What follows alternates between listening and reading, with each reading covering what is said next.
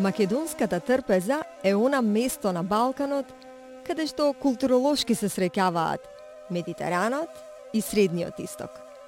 Грижливо негуваната традиција и гостопримството. Бабините рецепти и свежите намирници галени од врелото сонце повеќе од 300 денови во годината. Добре дојдовте на Македонската трпеза подкаст посветен на македонската традиционална којна.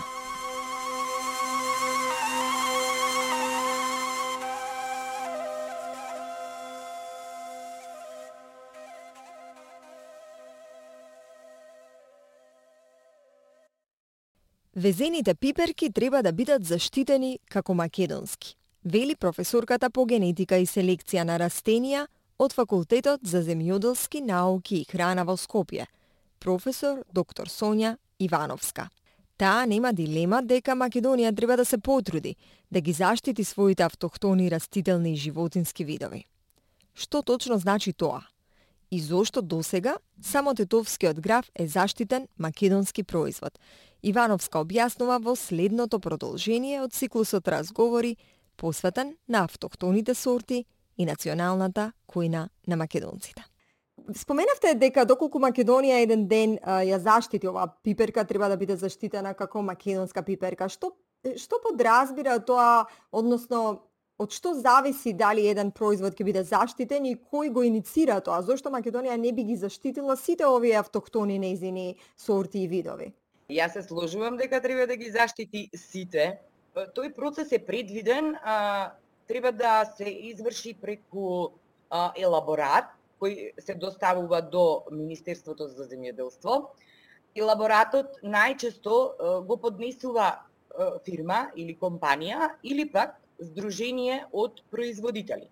Практично некој што понатаму ќе ќе продолжи да ја произведува таа сорта. Е сега, елаборатот по принцип би требало да е напишан од на научна основа, чи од научник, до тоа што тој треба да содржи податоци, нормално за описот, ако е врзано тоа со некое место, значи од каде потекнува, а, некои други особености, е, е, начини на користење. Од историски аспект, бидејќи нели се работи за постара сорта, а, од историски аспект, кај се одгледувала, зашто, како, како личи, па се до о, некакви а, а, податоци од некој научен експеримент, ако е можно, значи да се постави во опити, подетално да се опише, да се карактеризира.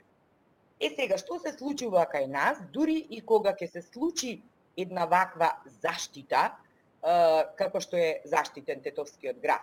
Тоа подразбира дека производителите не би можеле да е, продаваат граф со ознаката Титовски граф, ако не припаѓаат во таа област во која што е тој град заштитен и ако по, по правило, ако не се членови на тоа здружение кое што го заштитило.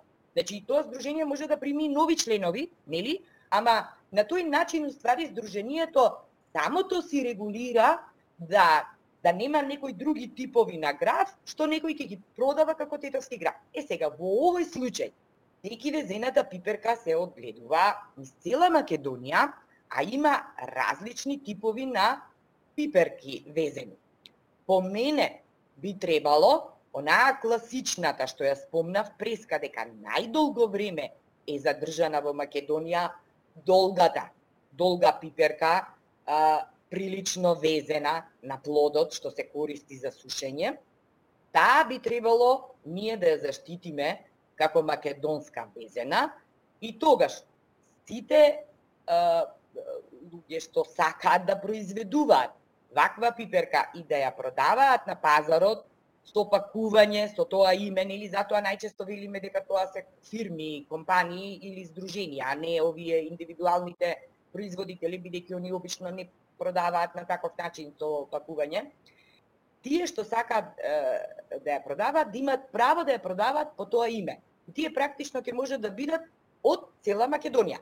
Ама тоа значи, најчесто таквите производи кои ќе се заштитат еднаш кај нас, потоа се заштитуваат и е, во Европа, во таа нивна дата база, значи а, да нема право утре некој во Србија, да речеме, или во Бугарија, или во друга земја, да произведува таква иста пиперка и да ја продава под името а, македонска везена пиперка.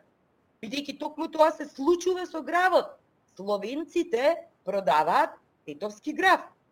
Тега, да речеме, и во Србија има нели тетовски, меѓутоа тоа се веќе нивни селекции, кои што они си ги имаат наречено тетовац, и тука не може да се мешаме. Но ако на времето бил заштитен како тетовски граф, може би ќе можело тука да се направи некоја интервенција, ако ништо друго, барем во името што ќе го стават, нели бидејќи има таму правило едно колку посто може името да биде слично на некое друго име. Меѓутоа, да ви кажам искрено, многу малку луѓето пројавуваат иницијатива или интерес за такво нешто. Државата воопшто не пројавува. Они имаат предвидено во во институциите имаат предвидено а, поддршка, мерки, субвенции за такви намени, но тие остануваат неискористени заради тоа што генерално нема мотив кај компаниите. Веројатно во еден даден момент, кога некоја од компаниите ќе направи може би преработка некаква од овој тип на пиперка, како што се да речеме мамас ајварот, нели, веќе они се добро етаблирани и извезуваат надвор, и кога би сакале да го рекламираат тој производ дека е со македонска везена пиперка, може би тогаш они ќе покренат некаква иницијатива за заштита на оваа пиперка. Меѓутоа тоа оди многу тешко, а, и понатаму продажбата не се реализира онака како што треба. Значи пред неколку години беше заштитена охридската треша.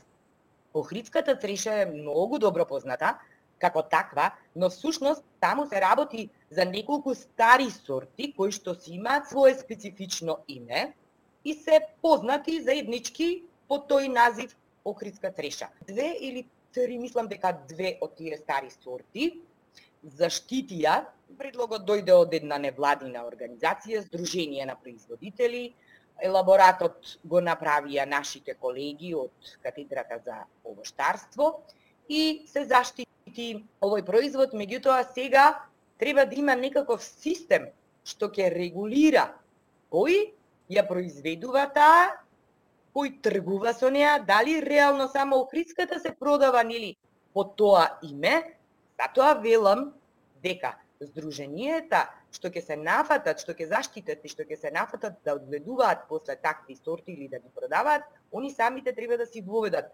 механизам за контрола од она што доаѓа нели на пазар. Малце сум збунета околу детовскиот граф. Ако тој е заштитен, како а, нешто а, како растение по а, заштитена дестинација на, на потекло од 2006 година, како е можно, велите Словенија, земја членка на Европска Унија, го продава под тоа име? Нели велиме дека кога ќе се заштити еден, еден, еден вид, дека тоа се рефлектира и на европскиот и на меѓународниот пазар? Да, значи, они сега, а, откако го заштитија на европскиот, во европската дата база, ама не знам точно која година беше тоа, веројатно од тогаш словенците не го продаваат како таков. Так. Меѓутоа, предходно, они го извезуваа, не знам, во Чешка, мислам. Имаше такви случаи. Токму затоа, ние на времето апелиравме да се потегне една таква иницијатива да се заштити гравот, бидејќи тоа е многу добро познат во регионот. Меѓутоа, ако вие го заштитите само на ниво во Македонија, а не во Европа, тогаш не спречувате некој во Европа да, да, си тргува со, со таков производ. Затоа е добро да заштитата се изврши прво тука, нормално во Македонија, во нашата датабаза во Бирото за индустријска собственост, а потоа да се пријави за заштита и во, да се регистрира, значи, и во Европската дата база. Постапката би требало да биде таква и во тој случај. Значи, а повторно може би ќе се појави некој што ќе прави трговија со таков производ. Тоа секогаш го имало во светот, нели? Меѓутоа, а тука секогаш доколку некој го забележи тоа, ќе има основа да да го пријави. Да тужи, да го пријави и да го тужи, да добие оштета, да. Иначе може да си продава кој како сака.